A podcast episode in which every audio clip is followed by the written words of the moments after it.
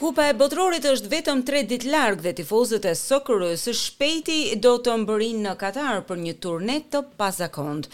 Alkooli do të jetë i disponueshëm vetëm në vende të zgjedhura dhe nuk është aspak i lirë në çmim.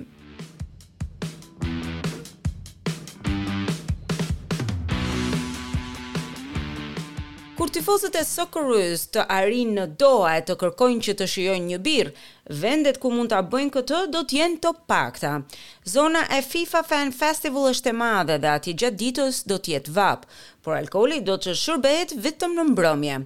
Aty nuk do të ketë kufizime, megjithatë çmimi nuk është i lirë. Tek 50 rial Katari, një gotë birrë kushton më shumë se 20 dollarë australianë. Por organizatorët thonë se çmimet janë në përputhje me evenimentet e tjera ndërkombëtare. Drejtoresha e festivalit të tifozëve të FIFA-s është Mead Al-Emadi. We hosted the uh, uh, FIFA Club World Cup and we have fan zone that had uh, alcohol in them and everything went very well and it was Ne organizuam një kampionat botëror si eveniment nëpër klube të ndryshme dhe patëm disa zona të tifozëve në të cilat konsumohej alkool. Çdo gjë kaloi shumë mirë dhe ishte një moment emocionues për të gjithë ata që vizitonin Katarin gjatë asaj periudhe.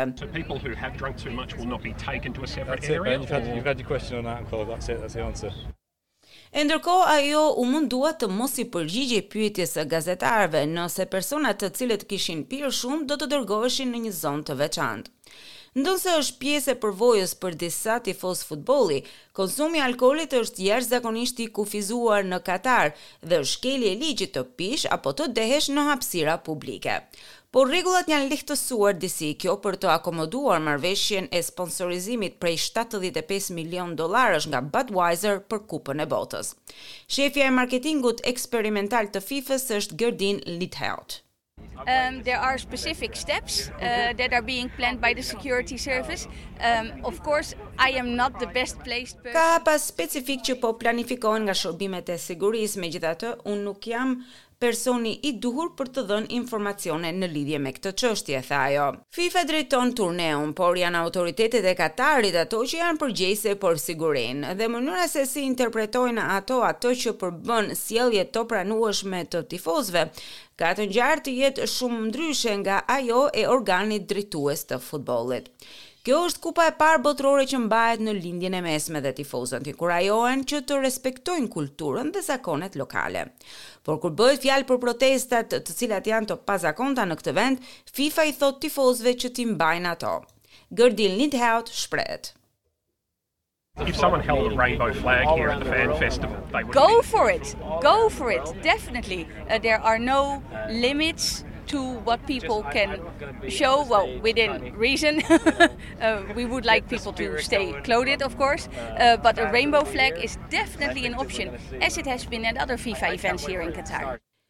Legjenda australiane e futbollit Tim Cahill jeton në Doha dhe në këtë turne ka dy role. Ai është ambasador i Kupës së Botërorit dhe shefi i delegacionit për Socceroos. Ai pret që tifozët australianë të kalojnë shumë bukur në Katar. Loads of fans have been here before, come and experience it, come and enjoy. Por kur SBS News e pyeti rreth mendimit të tij për videon përpara turneut të Socceroos në të cilën bëhej thirrje që Katari të respektonte të drejtat e njeriut, Tim Cahill u gjend më pak i hapur.